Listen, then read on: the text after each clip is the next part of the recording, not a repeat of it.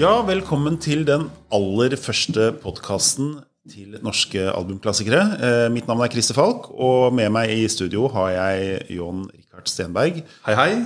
Og vi skal da prøve å forklare litt hva vi driver med. Vi, eh, vi har ikke noe særlig manus, og sånt, så det blir litt sånn som det blir. Men vi skal i hvert fall presentere til slutt, når vi har prata fra oss og begynner å bli sånn tørre i kjeften, så skal vi forklare og fortelle om de fem første platene i vår eh, serie. Og så skal vi gjøre da de fra 6 til 10 i podkast nummer to, og fra 11 til 15 osv. osv. Men vi kan jo kanskje begynne litt med å fortelle litt om hvem vi er. Jeg heter jo da Christer Falk. Jeg har drevet plateselskap siden 1995. Jeg har drevet platebutikk siden 1990. Slutta i 2008, var det vel. Og utover det så har jeg vel jobba med musikk i hele mitt liv. Jeg har også vært litt på fjernsyn og stemt ut folk på øde øyer. Men øh, det er jo mange som lurer på hvem du er, Jon Rikard. Fordi du kommer jo egentlig ikke fra platebransjen. Du jobber med biler, er det ikke det? Ja, jeg har vært i bilbransjen. så jeg, jeg kom inn som fan, jeg på en måte, og som platesamler. For jeg har alltid jeg har vært uh, egentlig platesamler helt siden jeg var ti år. Da selvfølgelig på kassett. da. Og uh, ja, så har jeg egentlig tenkt at jeg kanskje ikke vil jobbe. Jeg, jeg søkte én jobb i platebransjen etter jeg var i militæret, men uh, Hva var det som? Da, jeg søkte på, på, Virgin Records i 1991, som da skulle starte opp i norsk avdeling. Men der fikk jeg ikke noe Jeg kom ikke inn der, da, så, men det er greit. Så da havna jeg i bilbransjen, i og med at fatter'n liksom, alltid jobba i Volkswagen. Og så jeg ja, alltid vært glad i å kjøre bil og sånn. Så tenkte jeg at det er fint å ha musikken som hobby, for da, da har du det som hobby. Da ødelegger du, ødelegger du ikke hobbyen din, på en måte, tenker jeg. Så jeg har vært, gått litt på en liten tur med sånn, sånn medielinje på noen folkehøyskole og hatt litt utplassering i um, nærradio. Og Da var jeg to uker der, og sånn, og det var morsomt, og sånn, men jeg tenkte at nei, jeg følte meg ikke helt komfortabel. Så da tenker jeg at det er fint å ha én jobb å tjene penger på, og én ting å drive med som hobby. Og da ble det musikk som hobby. Og, bruke sånn penger på noe annet. Og bruke penger på hobby, ja, riktig. Ja, Men du har jo ja, For jeg kjente jo ikke deg egentlig før Når er det vi ble kjent? Fire år siden? Ja, sånn, ja.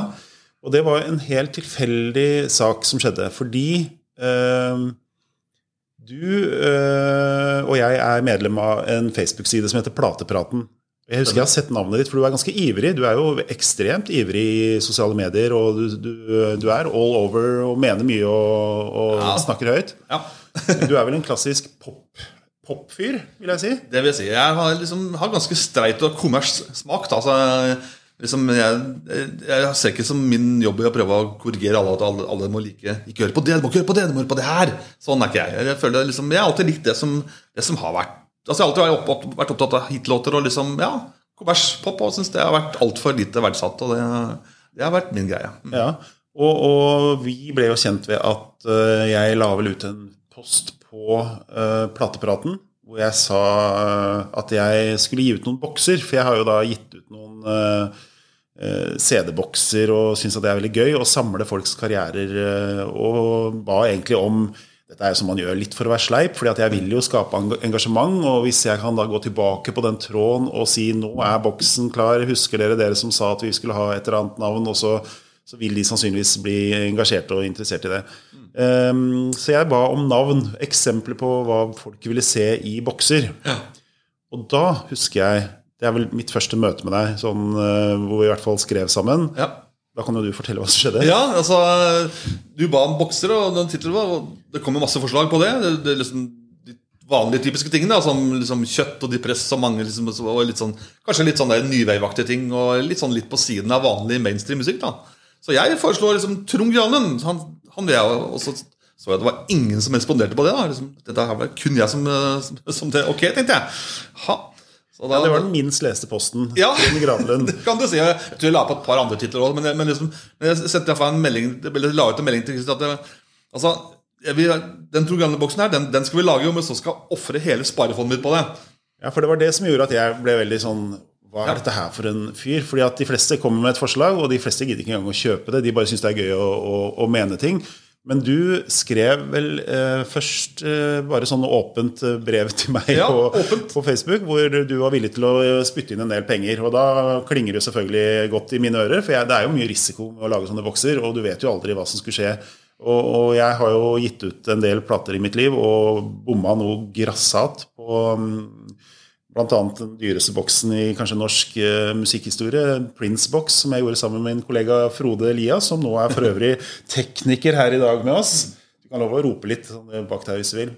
Vi lagde da en Prince-boks hvor vi samla 81 norske artister som skulle da hylle Prince, og det endte opp med at vi tapte så mye 100 000 kroner. Men uh, Frode og jeg og Petter, da, som gjorde dette her sammen, vi var veldig glad etterpå fordi Prince visste hvem vi var. han, han saksøkte oss, men det betyr jo at han må ha visst hvem vi var.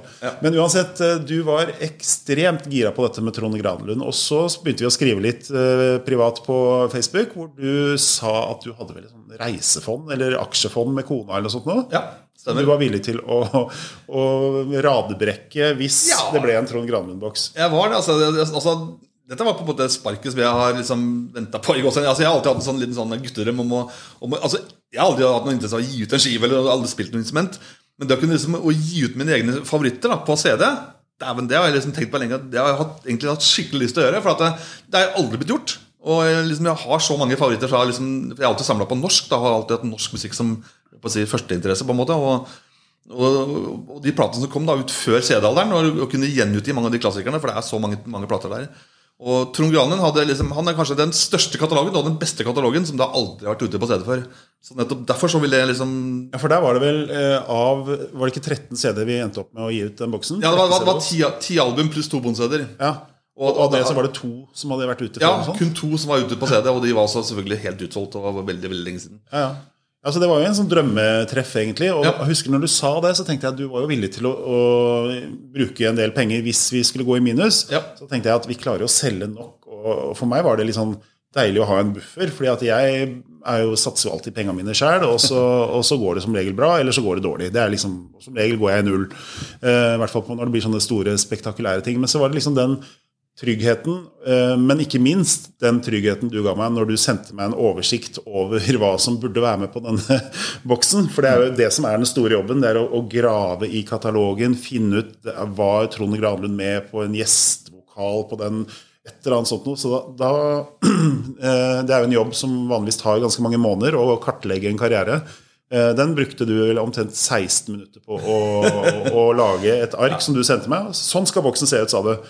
Så tenkte jeg, fy faen, det her er jo, du er jo helt ko-ko, mann. Det er jo det var jo mest imponerende stykke håndverk jeg har sett. på en måte. Eh, Hvor du hadde katalognummer, der finner du den. Papp, papp, og og, og da, da tenkte jeg jo bare du er jo en drømmemakker å ha med videre på eh, sånne framtidige bokser. Fordi at eh, jeg er mer slumsete. Jeg kan ha en overordna god plan, som jeg i hvert fall syns er god. Ikke nødvendigvis god i form av at det blir penger, men at det er en gøyal plan. Men jeg er ikke så glad i de detaljene.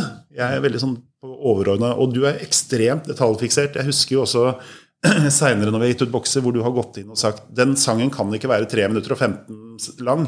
Den må være lenger, eller noe sånt. Jeg husker du sa det, var ikke den, var det Teigen eller noe sånt? da? Ja, altså, jeg- altså Jeg har alltid lest platecover og liksom jeg har en tendens til å huske ting. Og alt, til, og med, ja, til og med tider på låter, produsenter og liksom årstall. Og liksom, alt sånt, og derfor har jeg på en måte liksom, Jeg kan også si ofte tydelig liksom, hva som skjedde omkring da jeg kjøpte de platene. For det liksom, liksom ja, Jeg, jeg veit liksom hva som skjedde, og hvilke, og hvilke plater som jeg kjøpte på de tidspunktene. Og, sånn. så, og, og sånt fester seg. da Jeg, jeg, altså, jeg leser coveret sånn, jeg pugger det ikke. Men allikevel så fester det seg bare av, av rein interesse. Da, kan du godt si så, Og da, da, da, da, mye sånne detaljer som bare setter seg. Sånn er det bare. Ja, for det var ekstremt for, for meg. Jeg har ikke opplevd det så mange ganger. Jeg er som sagt ganske slumsete, og jeg kan lese en bok, og så kan jeg glemme egentlig halvveis ut i boka at jeg, har le, at jeg leser bok. Kan hoppe over liksom 50 sider hvor jeg tenker nei, nå må jeg lese de 50 på nytt, for huet mitt var et annet sted. Men det virker som du er i hvert fall ekstremt eh, opptatt av detaljer. da. Men i hvert fall denne Trond Granlund-boksen var på en måte startskuddet for vårt samarbeid. Og det som var litt gøy med den boksen, var at vi eh, fant ut at uh, Trond Granlund har jo et veldig rart publikum. Eh, fordi at han har jo vært gjennom alle uh, omtrent sjangere som går Ja. an. Veldig, Han begynte som en gammel rocker på 70-tallet, og så ble han en litt sånn soft-rocker på 80-tallet. ja, Nesten eh, crooner og popfyr, rett og slett. Og så ble det rein country, og, altså, og da mista han meg også. For det ble for mye meg akkurat da. I hvert fall den perioden. da Og så mer voksen Hva skal vi si for noe? Det, han- driver med litt mer nå, Oslo-sanger og Ja, og arbeidersanger og ja, litt, litt, gå tilbake til det som var liksom kjernen av norsk musikk på begynnelsen, eller midten av 70-tallet med Mai, Mai, plateselskapet Mai perioden, på en måte. Ja, Han skifta publikum sitt sikkert tre ganger. Ja, han gjorde det. Så, så jeg tenkte at hvis vi skal gi ut en Trond Granlund-boks, så er vi avhengig av selvfølgelig x antall solgte plater. Og jeg tror vi endte opp med at hvis vi selger 150 bokser, så tror jeg vi skulle gå i null. Var det ikke omtrent der vi endte opp? Sånn Ca. 150. Det er liksom det samme vi driver med her på norske albumklassikere nå. Eh, og jeg tenkte jo da at hvis vi skal få 150 solgte Trond Granlund-bokser, jeg syns det var ganske ambisiøst, så tenkte jeg vi må jo lage et arrangement. Og vi må presse Trond til å spille de sangene som han hater, og som han ikke spiller lenger. Det, det, var jo liksom utgangspunktet vårt. Så vi leide jo da herr Nilsen. Sa til Trond Granlund at vi ville at han skulle spille Girl 16, alle disse låtene som, eh, som ikke har vært på repertoaret hans sikkert på 30 år, Ja. minst. Hadde ikke spilt noen ting av sine gamle ting i hele tatt. Nei, nei. liksom, Men vi visste også det at hvis det kom da 100 mennesker på det arrangementet, og alle kjøpte boksen, at liksom billetten var eh, dyr. Det kosta det det kosta med boks pluss litt grann til, men da fikk du da oppleve Trond Granlund eh, live spillende det som du kanskje har ønska han skulle gjort veldig lenge, og aldri gjort. Det var liksom grunnkjernen vår. Så når vi da eh, la ut de billettene, så viser det at det er jo 100 gærne Trond Granlund-fans der ute som kjøpte disse billettene. Så det, de billettene solgte ut, og det betydde at vi solgte de første 100 CD-boksene, som gjorde at vi visste at vi kom til å gå i pluss på dette her. Og det gikk vel ikke så veldig utover uh, aksjefondet ditt. eh. Nei ja, det, kom, eh, det gikk gikk Uh, ja. Kona har tilgitt meg. ja. liksom, du kan da ikke bruke pengene våre til dette her! Liksom. Uh, jo, dette her er ikke så gærent. Vi, vi har kontroll på det her. Ja, nei, det, gikk jo faktisk ganske greit. Jeg tror den gikk i pluss til og med, den Granlund-boksen, sånn alt i alt.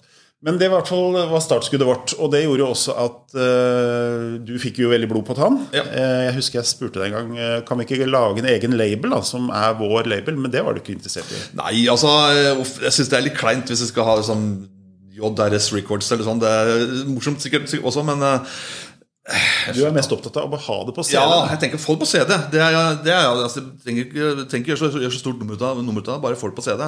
Og vi har jo sett at vi har alltid så utrolig dårlig tid, så hvis vi skal ha eget opplag med navnet mitt på, så vil vi aldri komme i mål. Du tror. Men du har jo ganske mange bokser. Hvis du skulle liksom lage en sånn topp fem, eh, hva er det du kunne tenke at det skulle bli bokser av nå? For vi har jo vi har bokseplaner framover. Vi har Ja. vel noen konkrete, noen litt halvkonkrete, og noen som vi ligger og drømmer om. Ikke ligger og drømmer om, det hørtes veldig rart ut, men vi i hvert fall drømmer om. Men hva er liksom din topp fem? Hva mener du skulle kommet ut i bokser? Altså, vi har jo Vi kan starte med Mars Müller og Trond Grane. De har vi lagd allerede. ja. Og så Teigen selvfølgelig også, åpenbart. Eh, Jeg tenker Anita Skorgan er høyt på lista mi. Fantastisk katalog. Totalt underkjent som artist. Og ingen, vei, ingen har hørt de skivene som hun ga ut på 70-tallet. Hun ga ut ei plate i året liksom, de første fem-seks åra. Liksom. Så hun Skorgan, ja. Så har du selvfølgelig Primavera. Uh, definitivt, uh, som vi også tenker på. Og ja, vi har mange også. Tramteatret har jo folk, folk snakka om, og jeg har, det har vært kjempegøy, eksempel. Så det er um, Ja. Dem er Ja, på sparket, vet ikke jeg.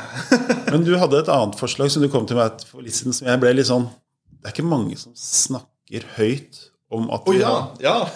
ja. Jeg tenkt på ja, Drama Creation. ja, Drama Creation. Selvfølgelig. Ja, Det var én ting, men, ja. men det er faktisk eh, enda lenger ut i min verden. Jeg er jo, jeg er jo en såkalt musikksnobb eh, som har jobba mye med musikk, og er egentlig kanskje det den, den sjangeren folk som du forakter mest. For jeg er jo en sånn eh, rakke ned på-fyr. og Jeg drev jo platebutikk i mange år. Vi sto i bakdisken, både Christer Hansen, Frode, som jeg jobba med. Vi lo jo tyna jo folk som kom inn fordi de ville ha Absolute Music. Og så prøvde vi å overtale dem. og sånt. Men du er jo en klassisk mainstream popfyr. Men jeg husker du sa til meg at du ville ha en boks med Hanne Krogh. ja, stemmer. Ja. Og det er sånn jeg tenker at uh, Det er ikke mange som tør å si. Nei. Jeg er også usikker på om det er marked for det, og alt mulig sånt, men jeg tenkte at uh, jeg, når jeg lager bokser, så er jeg mest opptatt av at det skal bli noe som mange syns er Jeg har heller ikke noe voldsomt forhold til eh, Trond Granlund. Jeg var veldig fan i 1981 til 83 eller noe sånt i norsktoppen-perioden min. Og så det litt, gikk det litt over. Men eh, jeg syns det var veldig gøy å lage den boksen, fordi jeg så at det gleda veldig mange folk. Men altså, Hanne Krogh er jo en artist som eh, aldri har vært en sånn kred-artist i Norge. Eh, men du mener altså at, at det er 150 mennesker som kunne vært villige til å, å kjøpe en Hanne Krogh-boks? Ja, altså jeg, jeg vil tro det. Klart Du har et veldig voksen publikum da, og og alltid blitt sett på som ja, litt for, kanskje litt, litt voksen og litt stiv. Så det kan du godt si, Eller i hvert fall ikke appellert til rette kretsene.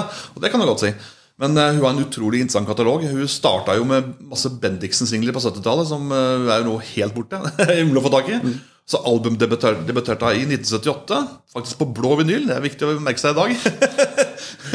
og jeg ga ut flere skiver der, og så, så kom Bobbysocks-perioden i 1984. Og de skivene også er fantastisk bra. Og ga ut også soloplata Hanne i 1989, som er en fin skive. Så hun har holdt på veldig lenge, og hun har alltid solgt ut platene sine. Selv om hun, liksom, hun har solgt mye over, lang tid da, og ikke ligget så høyt på listene, sånn, eh, kanskje bortsett fra i Bobbysocks-perioden. Men ellers så har hun liksom ja, solgt jevnt i det stille, det kan du godt si. Og, og, hun har jo holdt på hele livet, og hun synger fantastisk bra. Så det, det, altså, jeg tenker at de, artister i, den, den, i, det segmentet der da, har blitt veldig oversett. Sånn som Du har jo Inger Lise Rypdal også. Skorgan nevnte vi. Og du har, liksom, du har mange av de popdamene der da, som, som jeg syns er totalt underkjente. Og som har lange kataloger, og, og som fortjener å, å, bli tatt fram og gitt ut på CD. helt klart. Ok, Så vi skal altså vi, vi, må ta et par andre bokser først. Ja, vi, men, men, Hanne Krogh den er på lista. Er ikke, jeg har ikke tatt den bort. Det er ikke noe sånt, jeg, bare, jeg tenker at uh, jeg er usikker på henne, men det, ja. det blir gøy. Jeg tenker at uh, og, Skal vi gjøre boks, eller skal vi gi det til norske albumklassikere? ikke sant? Jeg tenker at Få det på CD, det, det, det er førstebudet. så da kan det sikkert, må, Vi må sikkert regne med å svelge noen kameler her der, men bare få det på CD, så tenker jeg at da er det greit. Men tilbake til en norsk albumklassiker, for det er det ja. vi egentlig skal snakke om. Det er jo en serie. Vi, vi har ikke helt sikker på hvor det starta, men det begynte jo da med Erik Mussehjelm, en journalist i Tønsberg Blad. Vi har jo snakka mye om noe lignende, men vi har aldri liksom funnet formen på det. Men Erik Mustehjelm, eh, journalist i Tønsberg Blad, som eh, eh, jeg drev og solgte inn noen Teigen-boks-ideer til han som han kanskje kunne skrive om. Og vi hadde en liten dialog. Og så er det jo alltid sånn at man jobber jo med musikkfolk, og da prater man 80 eh, om eh, det man eh, jobber med. Og så ender man opp med å prate litt sånn skit på slutt med musikk. Og, og sånt. Og så sa vel han bare en eller annen setning som bare brant seg litt inn, og det var Jeg skulle ønske jeg hadde For vi har jo snakka mye om bokser. Det har vært, alltid vært bokser. Hva skal vi putte på boks? Hva skal vi putte på boks? Eh, og du har vel også hinta frampå at det har vært gøy å gitt ut noen enkeltplater her og der. Ja, Men det har jeg alltid tenkt at det er så smått. Mange store favoritter som bare har kanskje to-tre album, liksom, ja, ja. og da er det for lite for boks. Men, men, men de skinner åh, de ville så gjerne ha på CD. Det er mange sånne. Og, ja, Hvilke da, plater er liksom de, ja, jeg tenker, altså, de, de tre øverste? De liksom. tre øverste, The Kids, definitivt. Mm. Lars Kilevold. Mm. Uh, ja, mange har snakket om Lumbago. Det er jeg helt enig i. Du har uh, Ja, ja, for Det er liksom artister som har gitt ut altfor få for bokser. For ja. de, de, har gått under radaren hos meg. Jeg har tenkt hvis jeg skal gjøre noe, så vil jeg gjøre det litt spektakulært og stort. Og da må det bli en boks for å, å slippe liksom norske jenter sånn uh, Nå har jeg sluppet norske jenter på, uh, på CD. Det er sånn, det er ikke noe, jeg liker å gjøre litt spektakulære ting. da. ja. Og Det er ikke liksom i seg sjøl å, å, slippe The Kids tenkte er verdens mest rare band, egentlig. De ga ut to plater Eh, på norsk. Mm. Og så har de gitt ut de samme platene, én på engelsk og én på svensk. Eller i hvert fall én av de platene. Ja. Også, det var best av begge to, på en måte. Ja, og så har det kommet to samleplater etterpå som egentlig bare er Best of 1 og Best of 2, med de samme låtene og litt ja. ekstra på. Det er jo verdens teiteste katalog at ikke på en måte de platene bare kom ut i sin tid på CD. Så hadde de solgt akkurat som Eh, Neil Young Harvest eller Wham! Wam Make It Big, liksom, i Nice Price-katalogen til Sony. Så, det, så, for meg er det sånn et under at en del plateselskaper ikke har vært flinkere til å, å, å, å faktisk eh, jobbe katalog. Da. De har tenkt samleplater som skal TV-annonseres, og så er de liksom happy med det.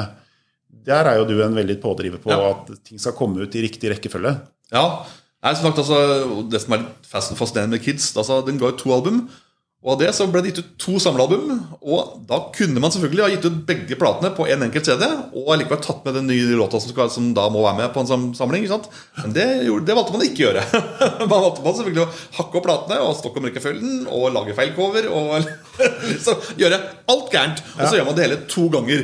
Altså, det er sånn som om å rive, rive meg sjøl i håret altså, som fan. Så det, Derfor måtte jeg skrive på Facebook-siden når vi la ut Søndag Norge. Så jeg, Sony Musikk Alt er tilgitt. ja, ja, det Nei, for det er, det er, gøy. Og det merker vi jo at det, vi, Jeg trodde vi var ganske aleine om dette her eh, Dette å ha sånn fetisje for hele album. At, men det er jo sånn at uh, vinylpublikummet er jo veldig sånn albumfikserte. Du selger ikke mye samleplater på vinyl.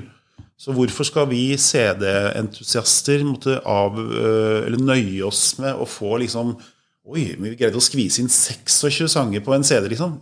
Drit driter jeg i. Jeg vil høre plata, jeg, sånn som den har kommet ut. Og det er jo liksom det som er hele poenget til norske albumklassikere. At da Erik Mustehjelm i Tønsberg ga en liten sånn stikkordsform Jeg hadde hatt lyst på plater. Jeg husker ikke hvilke plater Jeg tror det var Olav Stedje nevnte. Ja, det var Olav Stedje. Disse platene har aldri vært utgitt på CD før. Og det er vel, jeg vet ikke om det er noen Olav Stedje samleplater? Det Ja, det finnes en også. Ja, det gjør det. Ja, men uh, også, også lenge siden. Men, men det var liksom det som gjorde at vi begynte å tenke Shit, det er jo en god idé. Og da går det ikke an å tenke sånn Nå skal vi slippe Olav Stedje-plata. Hipp hurra, klaps på skulderen. For det er altfor smått. Det er ikke sånn jeg jobber. Jeg fikser ikke å jobbe i så små skala. Og, øh, og da øh, sa jeg til Erik Kan du sende meg en liste over plater du mener øh, burde vært utgitt på CD? Og så sendte jeg en melding til deg. Kan du tenke deg det? Og da hørte jeg, uten at jeg så det, vi skrev bare på mail, men jeg hørte at du begynte å puste tungt. Jeg, jeg følte at det var liksom dette her var liksom nesten sånn at i uh, 1984 så kom Brooke Shields uh, og sto ved siden av deg. Sånn Ja. følte jeg at den, den feelingen var. Det er en av de gøyeste oppfordringene jeg har fått noen gang. Liksom. Hvilke 50 skiver vil du gi ut på CD som du ikke har som du ikke finnes på CD? Yes! Gi meg en time! Og så eh, sendte jeg til Jon Vidar, eh, som er faste korrekturleseren vår. Jeg sendte vel til sendte til litt forskjellige folk. Morten Ståle Nilsen i VG lagde en oversikt. Han er også sånn som har ganske good all around peiling. Og, og det var liksom en del folk. Og så eh, mottok jeg disse listene med 50 plater, og merka at alle dere mente jo det samme om fem-seks plater som var på alles liste, på en måte. Men det er jo greit. De er jo selvskrevne. De er jo, noen av de har vi plukka ut, og noe kommer jo på sikt. Men det som også var gøy der, var at det, så, det var så mye. Det åpna seg bare et helt vilt landskap av plater som jeg har tenkt Hæ, kom ikke den heller på CD? Og, og der er jo du Jeg er vel ingen i Norge som kan hva som fins på CD og ikke CD bedre enn deg, tror jeg. Nei, jeg har fulgt med ganske tett der, altså. Og du vet jo også prisene, hva de går for på bruktsjapper. Og du, liksom, du har ja. full oversikt, da. Ja, jeg syns det er litt spennende og fascinerende. Og jeg kjøpte, altså jeg kjøpte min, min første CD-spiller da jeg konfirmerte meg for konfirmasjonspengene i juni 1985. Og etter det så har jeg ikke sett meg tilbake et sekund. altså det er Kun CD. og, da, da, og da valgte jeg også å kjøpe norske album på CD, i og med at jeg alltid kjøpte norske plater veldig tidlig. Og, og begynte da med norske CD-er så fort det var mulig. Og, av de som kom da Og det var et problem i 1985, for da kom jo Monroes. ikke sant? og så kom A-ha.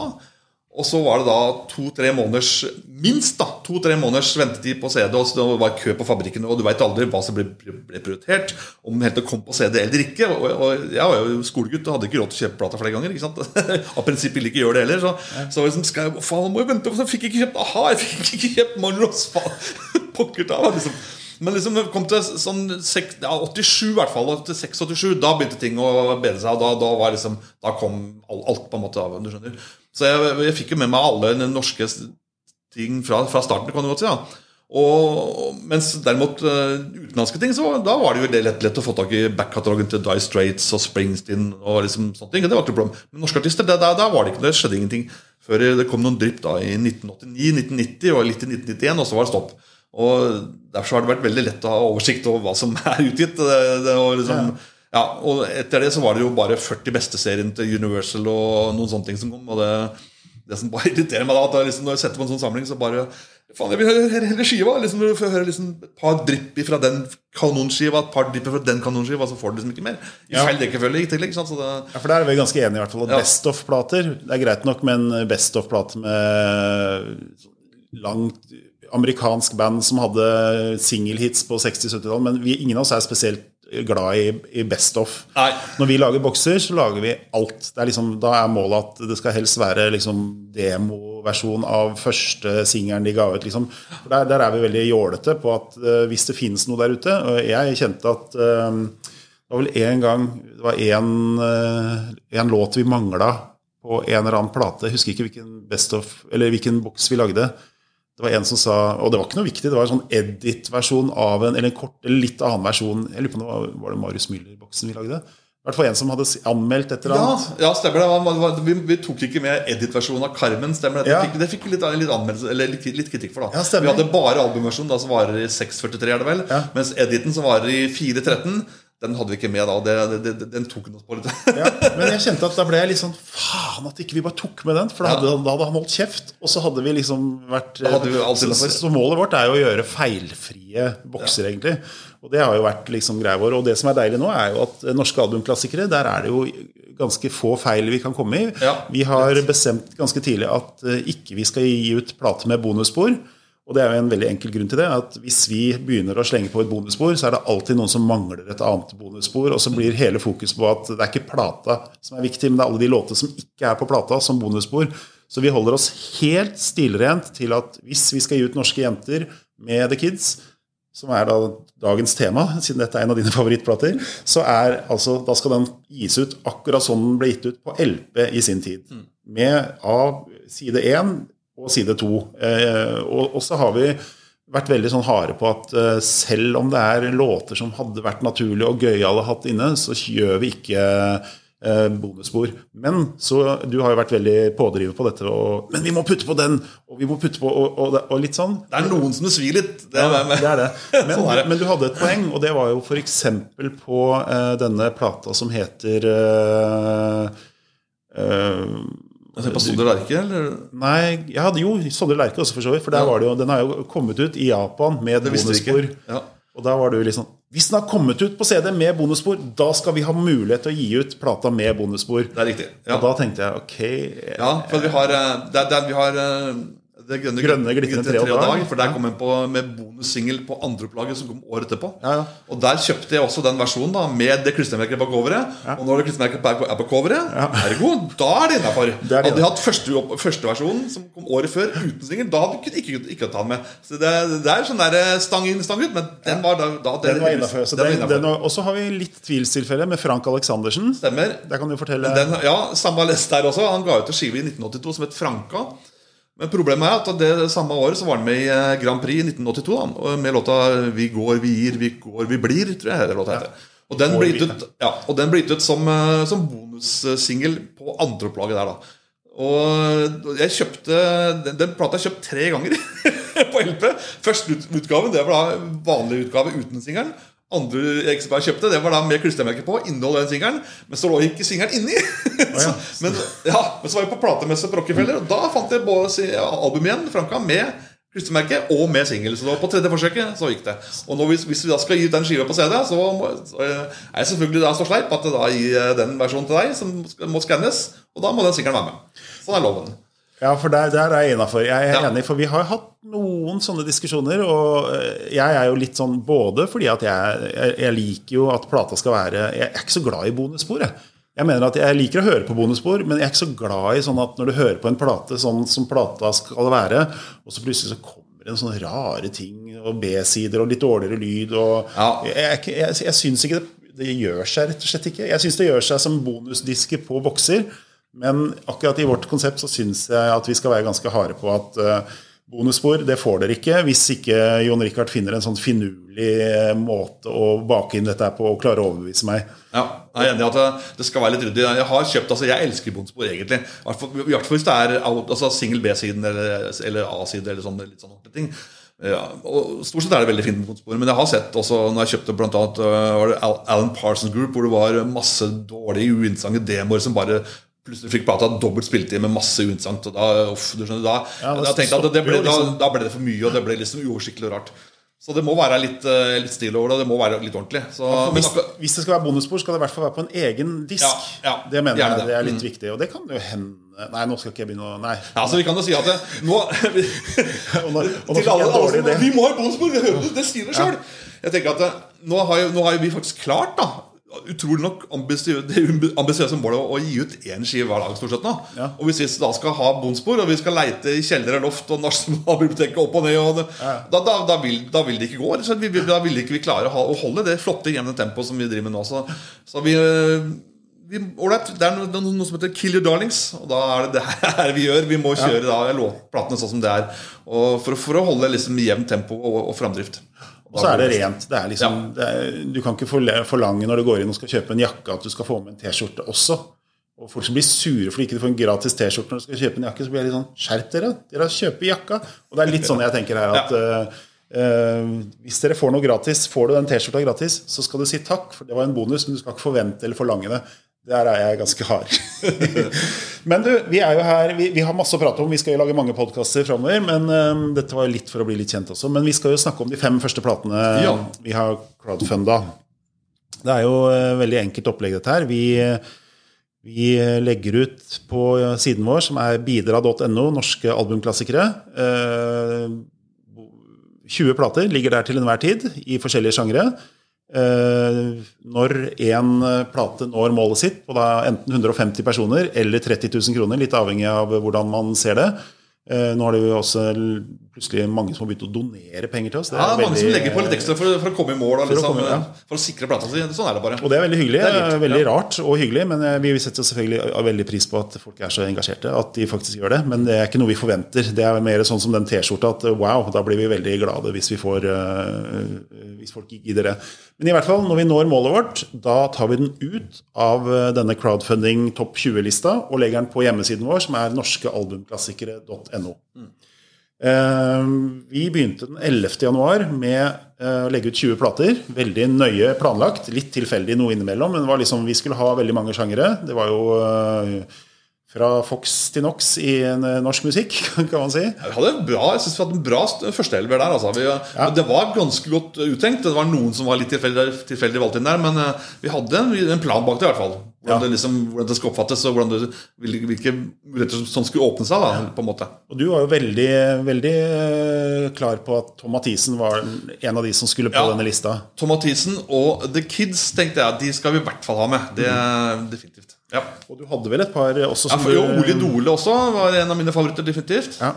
Så, ja, og Inger Lise Rypdal også syns jeg var kjempekult at du tok med. For det, ja. Men du glemmer den viktigste, og kanskje din, eh, det som du snakker eh, varmest og mest om. Eh, ja, selvfølgelig! Igjen, igjen drama. Ja, ja, ja, er du gæren? Ja, uff, ja.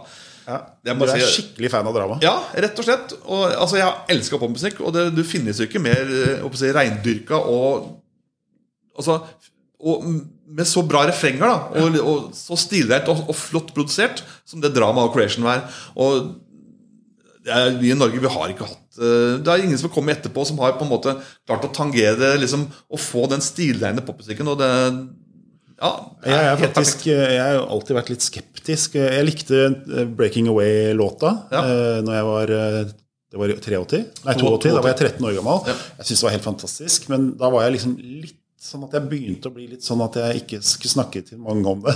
Jeg vil heller snakke om at du likte Da var det Howard Jones. Jeg husker ikke hvem. Men det var i hvert fall sånn at eh, drama likte jeg, men så la jeg det liksom litt bort. Eh, det var bare jenter som likte drama i Drøbak da jeg vokste opp. Men du, vi tar det i kronologisk rekkefølge. Ja. Etter hvert som de ble crowdfunda. Vi skal snakke mye om drama snart. Men det var jo da Tom Mathisen. Ja. Fortell. Ja, øh det første soloskiva hans da, fra 1980, 'Det lille som skal til', Jeg husker låta var en kjempestor hit på Norsktoppen. Og det digga han vilt. Eh, jeg husker at vi kjøpte eller jeg tror det var fatteren som kjøpte en, kassett, sånn Homes-kassett. jeg vet ikke om du husker det, men i hvert fall, Og der var det en coverversjon. Da, Det var det nærmeste jeg kom det første året. Så jeg kjøpte kassetten seinere på noe bilsalg på Kongsvinger også. Og altså Jeg ble jo kjent med han via Primavera, selvfølgelig. Det var, det var måten jeg kom inn på han på i 1981, og med den femte. Og så Jeg kjøpte vel ikke skiva før eh, sånn kanskje ja, 2-83 eller sånn, tenker jeg. Så det var noen år etterpå. Men uh, jeg synes det er en kjempefin skive, og det, det lille som skal til, er jo en fantastisk hit. Og Det som overrasker meg nå, da når jeg hørte på skiva nå i ettertid Jeg lytta på masteringa, så slår det meg at eh, du verden, dette er jo ordentlig Beatles. Altså Han, var, han er tydeligvis veldig super Beatles-inspirert her. da Det høres ut som det er liksom Beatles i, i, sin tidligste periode. på en måte Måten det er spilt på, måten låten er bygd opp på, det er liksom uh, det er liksom You, yeah, yeah, yeah arrangement over nesten over hele greia. og Det er veldig kult. Og så er det produsert av, uh, av Tore Syvertsen, som også lagde Teigen-skivene. Mentalkrem og En dags pause. Den kom jo også samme år som Mentalkrem. Og det er jeg vil si at den, Stilmessig er de to platene faktisk veldig likt. Veldig like. Så, Men Tom fikk det liksom ikke helt nei, på samme måte? Den ble ikke stående på en måte sånn i ettertid, kanskje. Og, og dette var litt rart, for det var rett etter Primavera. De var jo, nå er jo klart Jahn Teigen er jo øh, Han var jo Norges mest kjente artist og største kjendis akkurat i 1980. Det var jo ingen i, i, Norge som var større enn han øh, da. Etter Mil etter mil, etter Primavera og det liksom uansett hva han gjorde, så var det dobbeltsider i avisene.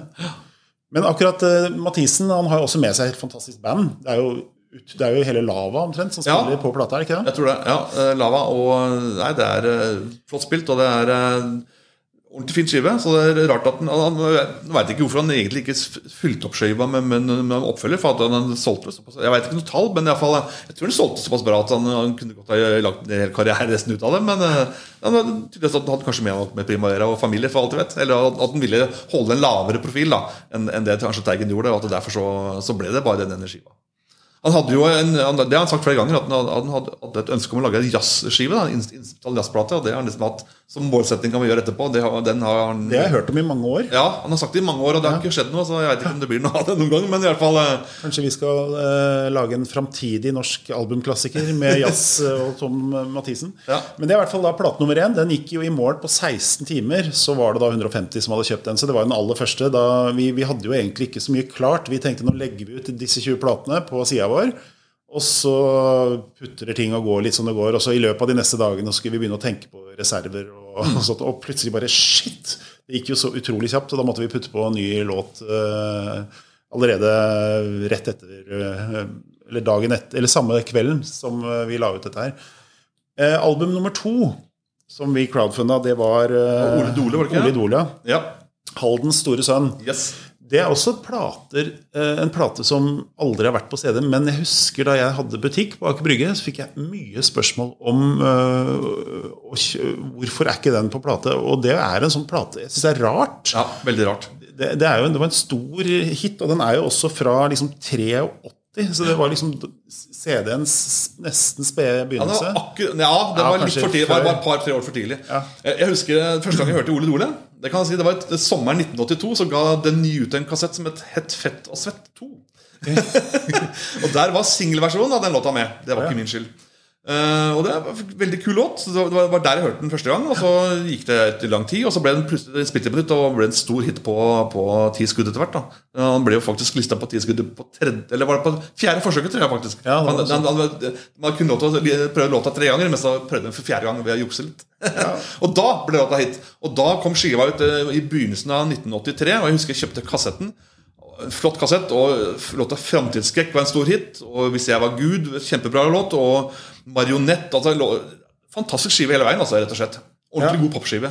Han var jo med, han debuterte vel på en eh, Ja, han samleskive Halden. sa- Ja, samleplate fra New Noise. Det der Ja. plateskapet til eh, Den heter vel Big Voice of New Noise. Ja, låta heter Jeg er ferdig. Ja, stemmer. Så det var liksom det første vi så og hørte av eh, Men da var det vel Hvem var det som snappa han opp? Var ikke det Ja, det var Nota Bene. og- Ja. Ole Sørli som Ja. fant ut at dette her eh, var noe som skal brukes eh, penger på. Så gikk jo de i studio og spilte inn en plate som solgte jo helt uh, avsindig mye. Men, men så stoppa det jo litt uh, Det var jo Han tydelig vel litt på skive nummer to, da, Ja. propaganda. Men uh, også en fin skive, det også. Så den, uh, den kommer vel etter hvert. Ja. Vi, vi kan vel si det. Vi skal putte på det. Ja. Men i hvert fall, det var da plate nummer to. De tok jo ikke mange dagene, det heller. Tror det tok én dag eller to, eller var det noe sånt noe. Så Og begge de to artistene signerte, da, både Tom Mathisen og Ole Dole. Det hjelper jo litt. det, Ja, tror jeg. ja, det var litt morsomt altså, at vi får til det. Ja. Nei, så Det var album nummer to, og de heter jo da eh, Norsk eh, albumklassikere NACD 001. Og så var det da NACD 002, som er Ole Idole. Ja. Og NACD 003, da vet jeg at det var en fyr som satt på Rælingen og, og jubla. For da fikk du da drama Da fikk jeg. Breaking Away. Yes.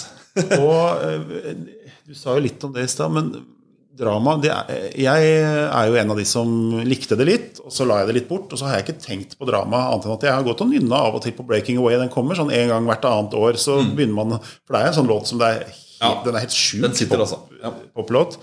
Men når jeg hørte på hele plata nå, når vi satt og gikk gjennom og skulle mase dette her og sjekka litt mastergrunnlag, så tok jeg meg sjøl at det er sjelden Hvor gamle var de?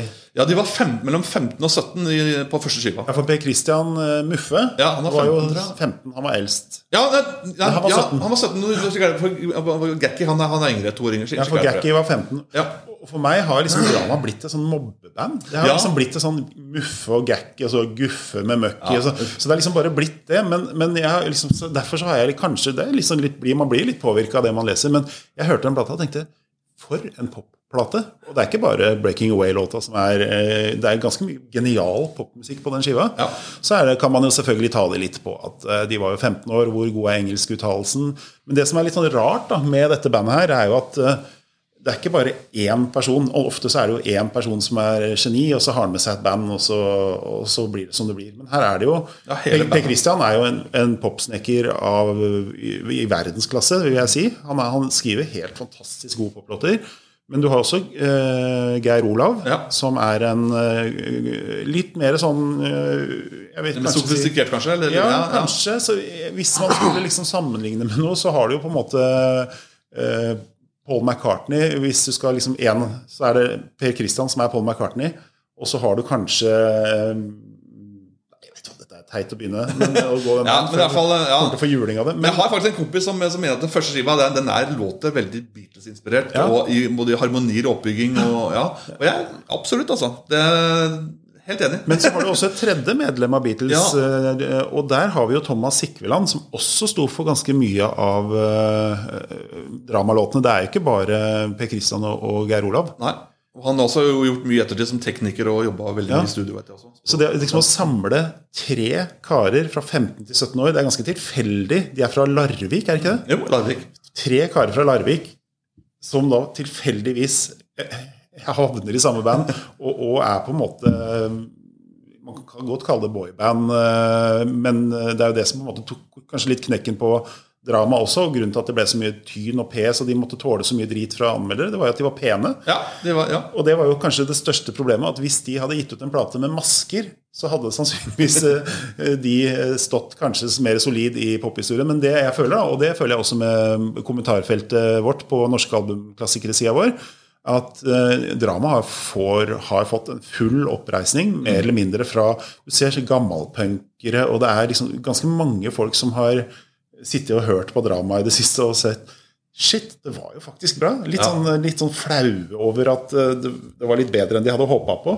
Og det syns jeg er ganske gøy. Og det er jo litt av poenget vårt med denne serien her også, at eh, vi skal faktisk eh, eh, Vi skal ja, det er lov å like alt, på en måte. Ja. Det, det, det, det, det, synes jeg er litt fint at det, det er lov å like Drama Creation. Det er lov å like ja, altså New Wave og den type der. altså De press og ja, kjøtt og alt det greiene der. Og, altså, vi, gir til alle, alle, sjangere, og alle, alle skal kunne finne noe som de liker.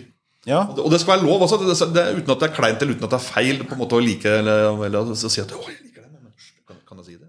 Ja, det kan du si. Men jeg tenker sånn, eh, du har noen artister som eh, ga ut plater eh, tidlig 70-tallet, og så ble de deppa fordi det gikk ikke så bra. Så tenkte Nick Drake, for eksempel, som er en av mine favoritter. Ga ut tre plater, ordentlige studioalbum. Tre fantastiske album. Han ble aldri stor i sin samtid. Ender med å ta livet av seg eh, og dør. Og så begynner noen å grave i gammel Litt sånn som vi gjør nå. Grave i gammel moro og finner ut at shit, det er jo tre album med en kar som heter Nick Drake, som er fantastiske. Og i løpet av de neste 10-20 årene så får han klassikerstatus. Og det er jo litt dette med klassisk, klassikerbegrepet. Det har vært litt diskutert i forumet vårt, hvor eh, noen mener at det skal være bare eh, kvalitet. ja, og hva er kvalitet? Hvem skal, hvem skal liksom heve seg over alle de andre?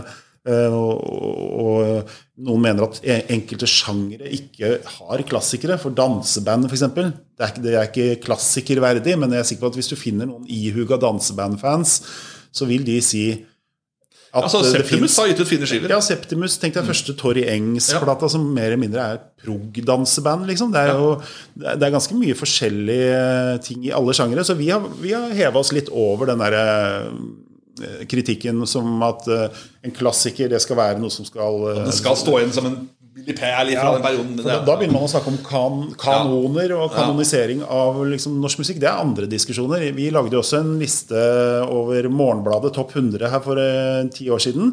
Eh, jeg og en som heter Marius Lien, som jobba i Morgenbladet, vi lagde da en eh, bokserie med ti, ti bøker over de ti liksom, beste albumene i norsk musikks historie. Og det var da eh, artister selv som hadde vært og plukka det fram. Men vi ser jo nå at det er jo enkelte ting på, på den lista også som kanskje enkelte av disse som klager høyest over eh, eh, hva en klassiker egentlig er, som kanskje ikke hadde hatt noe der å gjøre. Så jeg tror vi må bare være litt rause og si at klassikerbegrepet det definerer vi, og det definerer historien. Og det er ikke nå vi skal definere hva som er framtidas klassikere. fordi plutselig har vi en norsk Nick Drake. Plutselig så er det Jeg merker også sånn som Olav Stedje, som Ja. vi har ganske, fått ganske dreis på inn hos oss. Det ganske mange som lo av barten til Olav Stedje i sin Ja. tid. Men når du hører på platene 80-tallet. hans det var han. Han var ikke kul, men, men de skinnene de, de står. det Altså. er fantastisk gode plater. Ja. Det, er, det er så bra. Men det skal vi komme tilbake til, for nå er vi på de, de fem første. uh, vi er jo nå på drama, uh, Ja. som vi har, uh, føler har fått en fin oppreisning. Eh, nummer fire, den fjerde plata vi klarte å crowdfunde, det var eh, bergensgruppa Saft. Med albumet Horn. Ja. Det var andreplata til uh, Saft. Eh, Det er jo sånn at Saft-katalogen har jo vært gitt ut uh, mer eller mindre før. Uh, Ja. Litt sånn Det kom, en, det kom en samling i 1996 Ja. som, var, som ble sammensatt av Tor Rune Haugen. Mm. Og Han valgte da å gi ut den første skiva og den tredje skiva i sin helhet. Eh, og så gjorde han nesten det med, med skive nummer to, også Horn. da Men, men han, tok, han tok vel ut et par låter eller på, på slutten av plata, tror jeg. Eller sånt, jeg husker ikke helt, men i alle fall Og så valgte han å, å ta med noe fra den litt seinere perioden. De kalte, de kalte Brødrene Tue. Eller hva det var. Ja. Men i alle fall, det ble en, egentlig en veldig bra samlingsskive, men, men, men da endte da kun første og tredje album med å være helt og i, i riktig rekkefølge. Mens da skive nummer to da ble litt, eh, ble litt kutta opp i. Så Derfor så var, var valget veldig rett for oss. Vi tar horn, rett og slett. Og, og den har jo selvfølgelig også den store hiten der, da. eh, 'People in Motion'. Og så har den jo et vanvittig flott cover som jeg bare syns er så kult. med det reinsdyret med det hornet på. Ja, ja. Så det liksom den var jo soleklar. Det var ikke tema engang. Men det merka vi som nå sitter på bestillingene, at eh, det var det veldig internasjonal interesse for. Ja, ja. Eh, Jeg har jo gått gjennom disse listene, og vi er jo vel sånn ca. 99 eh, nordmenn som kjøper platene. Eh, Og så er det noen japanere og noen amerikanere. Den har gått ganske mye i Japan. Vi har også lagt merke til at av eh, kjønnsfordelingen har vært eh, veldig sånn i retning menn. Men bortsett fra drama, som faktisk var den eneste plata som var 50-50 menn og damer. Og det er litt eh, gøy. Men det har vært veldig sånn eh, Saft, som da er jo egentlig sånn et sted mellom folkemusikk og prog. De begynte vel som prog, og så sklei de litt mer ut i retning folk etter hvert. Men det er det veldig interesse for i andre land, eh, som jeg ikke så komme i det hele tatt. Så, øh, og det er jo noe som vi skal også tenke litt på framover. At øh, det er jo mye norsk musikk som har internasjonalt potensial. Så vi skal kanskje bli litt flinkere til å tilrettelegge for utlendinger. Kanskje vi må skrive noen norske tekster, i hvert fall på de platene som øh, Eller engelske tekster på de platene som, som kanskje kan ha litt større internasjonal appell. Vi mener jo også alt som har med lava å gjøre, f.eks. Ja. Eh, sånn som bare Tom Mathisen. Hvis vi hadde fått ut til eh, Lava-fans i utlandet, så hadde de kjøpt den plata bare fordi de er så fan av Lava. Fordi jeg har jo ekstremt standing i eh, internasjonal eh, verden, på en måte, musikkverden. Så, men akkurat eh, Horn, at eh, det skulle gå så fort med Saft og Horn, det, den så jeg ikke komme. For den trodde jeg var kanskje noe vi måtte jobbe litt med. Men den eh, begynte litt treigt, og så bare eksploderte. Og den tror jeg fikk den litt fine sommerfugleffekten. At det var noen som begynte å tvitre og kvidre litt i Og så sprer det seg, og så sprer det seg, og så sprer det seg. Og det er jo også vi veldig avhengig av. At vi skal få noe fart på dette her. Vi ser nå at folk Det er jo enkeltfolk som har kjøpt alle 24 platene til nå har crowdfunda. Og jeg tenker det er jo nydelig og det er vakkert, men dere kan jo ikke holde på sånn. For vi skal jo gi ekstremt mye plater. Ja. Så det viktigste for oss er jo ikke egentlig nødvendigvis at man kjøper alt. Eller man kjøper det man liker, og det er hyggelig, men eh, at man faktisk snakker om det. For vi ser at eh, enkelte plater eh, har fått et lokalt oppslag et eller annet sted.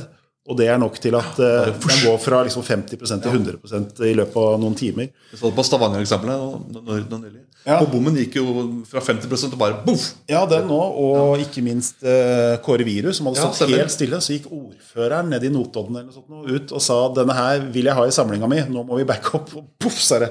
Så den, men det kommer vi tilbake til, den er litt framover i tid. Men uh, vi er jo også på um, eh, plate nummer fem. Som er eh, The Kids, eh, norske jenter. Og det er jo kanskje et av dine store kjepphester. eh. Ja, den, den, eh, kanskje, den som, eh, kanskje den, av de viktigste skiven i samlinga. Jeg husker broren min han ønska seg den til jul i 1980. For da, altså, da var jeg ti år. Jeg har en to år eldre bror. Så fikk han i kassetten. Og det var rett og slett starten på liksom, oppvåkningen da, i norsk musikk. Så jeg har liksom tre skiver som jeg definerer som, eh, som starten. Og det var The Kids, det var Dolly og det første Vazelina-skiva. Og altså, The Kids de var enormt svære. Altså, jeg husker jeg satt og så på halv sju og så den videoen uh, 'Forelska læreren' når den kom. Altså, du, Det var en hit. Alle så det tvert. og liksom, Den, den fanga så bredt. Og alle klassekameratene dine, alle vennene dine elska det. Og liksom og VG vet at det, VG hadde massevis av oppslag om, eh, om The Kids og det håret de hadde. og liksom ja. ja, Det håret i dag det er helt spinnende. Det brukte noe vanvittig mye med farging eller med, med bleikemidler og sånn. Ja, og det var noe kreptang òg. du kan ja, ikke ha sånt hår. Altså, men, også, men, det som er morsomt, de, de jugde jo litt på alderen også. At De sa de var vel 17-18, eller sånn, men det viste at det var vel 19 Ja, det var for 21, 22, okay. 20 det, det, det Ja, ja, ja. De, de lå liksom tre-fire år eldre enn det de, de, ville være. For de skulle liksom appellere til jentene og liksom være unge kule. Men de var eh, i hvert fall over 20. Jeg tror jeg 22-23 år. ja, for Det føltes liksom ungdomsskolen, ikke videregående ja, i musikkvideoen. Så det, det, er bra. Det er de jugd godt på alderen. Mange gode, store artister som har jugd på alderen i sin tid. Prince, for eksempel, lata som han var to år yngre når han ga ut sin debutplate. Men nå kjente jeg at eh, alt jeg snakker om, ender opp i Prince. Så nå skal vi stoppe der. Nei, men sagt, altså, altså, også Den skiva da, den kommer jo aldri på CD, og det har irritert meg. Jeg har, altså, jeg har rivet meg i håret. Jeg sa det i stad, og den ga jo to samleplater. Og klarte ikke å gi ut originalplatene på CD. Og nå står vi her 40 år seinere, og han er ennå ikke utgitt, men eh, nå kommer den. Nå er den jo sendt til trykk, og nå er det jo ikke så lange, langt unna. Så det, ja, det, blir, det skal vi feire. Den skal jeg høre på. Jeg er ikke sånn overvettes fan av The Kids.